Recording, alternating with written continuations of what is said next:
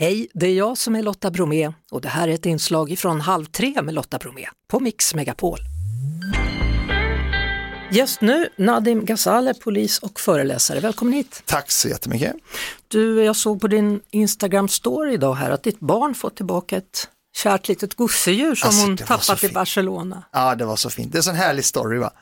Berätta! Ja, men, men vi var i Barcelona förra helgen, eh, lång weekend med familjen. Jag är ett stort Barcelona-fan och mina barn har aldrig fått vara där och uppleva Camp Nou, så jag tog med dem och min fru. Eh, vi var där och när vi kom hem så insåg hon att hon hade glömt sin lilla hund som är nalle, alltså ja, gosedjur. Och den är väldigt speciell för henne för hon fick den av sin mormor som dog i år eh, faktiskt. Och då tänkte jag, jag måste bara lösa det här och jag vet inte hur. Så det slutade med att jag la upp en, eh, bad om hjälp i ett FC Barcelona-grupp på Facebook som jag är med i där vi bara pratar fotboll. Liksom. Och där fick jag napp och fick väldigt fin respons av en kille som skulle åka till Barcelona och som åkte tvärs över hela Barcelona för att hämta upp den. Och igår mötte jag upp honom och fick tillbaka den, ringde henne på Facetime och hon blev så glad. Då har man varit en bra pappa. Då har man varit en bra pappa och det var en bra hund också som hittade Ja. hem till slut. Exakt. Eh, Du kom ju hit då från Libanon som barn och har sen eh, blivit polis. I ditt sommarprat så talar du väldigt mycket om, om personer som hjälpt dig genom livet. Mm. Vilka tänker du på? Alltså jag tänker på väldigt många människor som har omringat mitt liv, allt ifrån skolpersonal. Så jag, det, med, med, med mitt sommarprat så vill jag exemplifiera vilka människor som spelar roll i varandras liv och poängen med det var att de människorna är du och jag och de är överallt. Oftast så har de ingen aning om det själva. I mitt fall så var det en, en rektor som spelade väldigt stor roll, mina föräldrar spelade väldigt stor roll, min mormor, en kompis, en fotbollstränare, en polis som var ute och gjorde sitt jobb och värvade nya poliser. Alla de människorna har påverkat mitt liv på ett ganska avgörande sätt till slut. Och det, jag, jag ville visa att de är vem som helst. Men det vet man först efteråt, eller?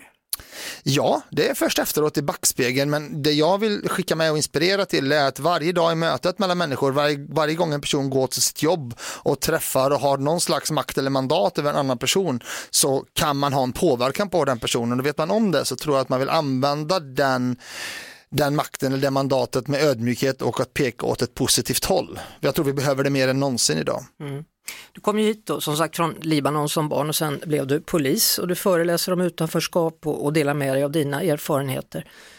Kunde verkligheten blivit annorlunda för dig? Absolut, 100%. Jag är väldigt ödmjuk inför den person man blir, att man är, eh, jag tror att det är 30% egen drivkraft, eh, 30% föräldrar och sen är det ganska stor procent omgivning. Och jag tror att växer man upp i en omgivning som var sämre, eller är sämre än den som jag fick med fler riskfaktorer och sådär, så tror jag sannolikheten eller risken för att hamna i ett, ett annat slags liv är mycket, mycket högre. För till mångt och mycket så är ju livet en, en gambling och det, vi leker hela tiden med sannolikhetslära egentligen vart man hamnar. Men hade du kunnat sitta på andra bordet och inte varit polis? Eh, ja, om jag inte hade haft lika kapabla föräldrar, om jag hade växt upp i ett sämre område, om jag hade haft en sämre skolgång, sämre socioekonomisk status, eh, om jag hade gått, eh, bott trängre, alla de här riskfaktorerna som jag jobbar med dagligen, så absolut hade det kunnat, kunnat, livet varit sett helt annorlunda ut. För att ju mer man har som är risker, ju större ökar sannolikheten åt något destruktivt. Eh, så det är, så, det, är, det är tyvärr så det funkar. Det har ju blivit ett regeringsskifte i Sverige och man har då presenterat lösningar för bland annat brottslighet och integration i det så kallade Tidöavtalet. Vad, vad har du för tankar kring det som presenterats? Till exempel straffrabatt tas bort för 18-åringar. Mm. Ja, jag har väl ganska mycket tankar om det eftersom det mer eller mindre kommer påverka mitt arbete. Jag tycker många saker är bra. Eh, jag tycker vissa saker är eh, inte, eller så här, bra, inte som är bra att de är som förslag bra, utan kommer de ha någon effekt och två, är de nödvändiga? Vissa kommer, vissa kommer ge effekt. Jag tror, jag tror på hö, lite högre straff, jag tror på att ta bort rabatt för straff, eh, eller för brott, det tror jag kommer ge effekt.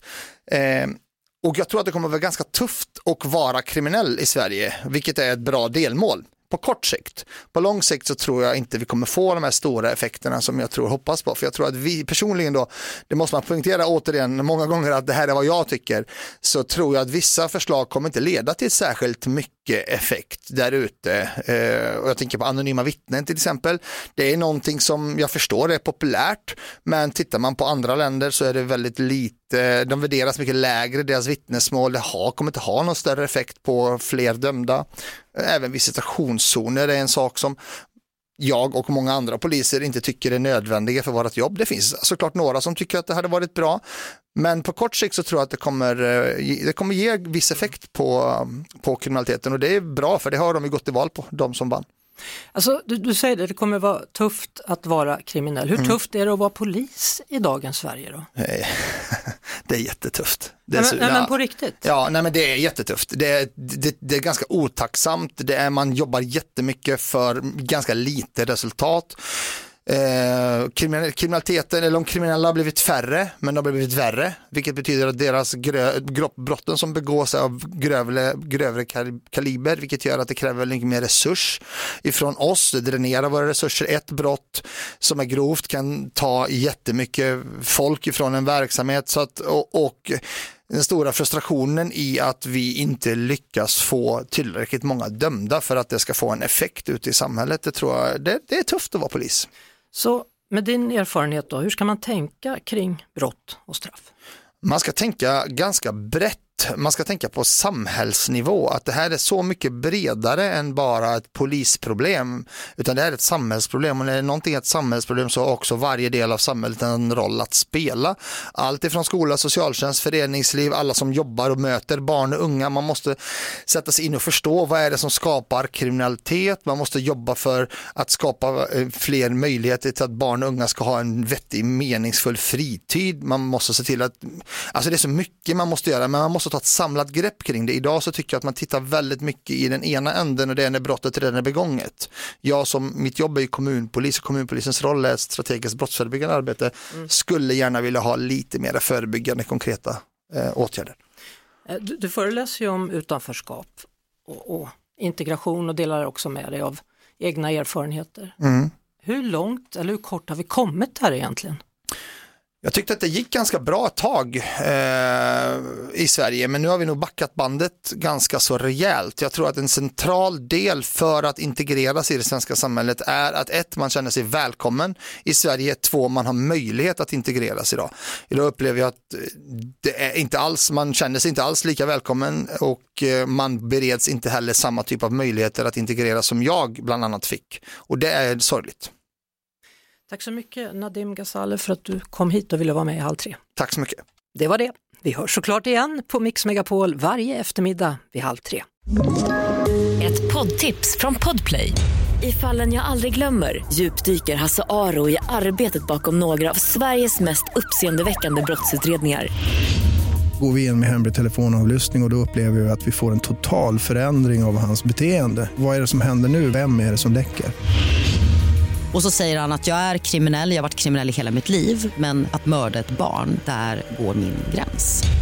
Nya säsongen av Fallen jag aldrig glömmer på Podplay.